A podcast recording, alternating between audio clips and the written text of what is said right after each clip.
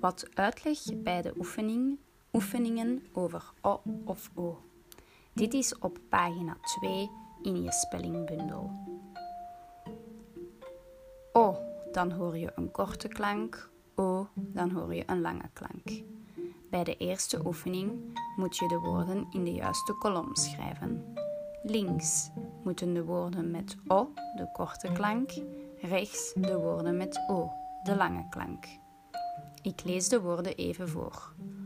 Boom, mol, boor, room, bol, sloom, bom, kool, non, dol, boot, stom. Bij de tweede oefening moet je opnieuw het woord veranderen door letters te veranderen.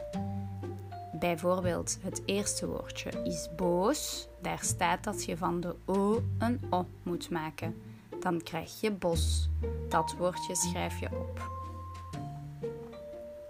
Bij de laatste oefening heb je oranje en groen nodig. Woorden met een O kleur je oranje. Woorden met een O kleur je groen. Ziezo, dat was het al. Veel succes!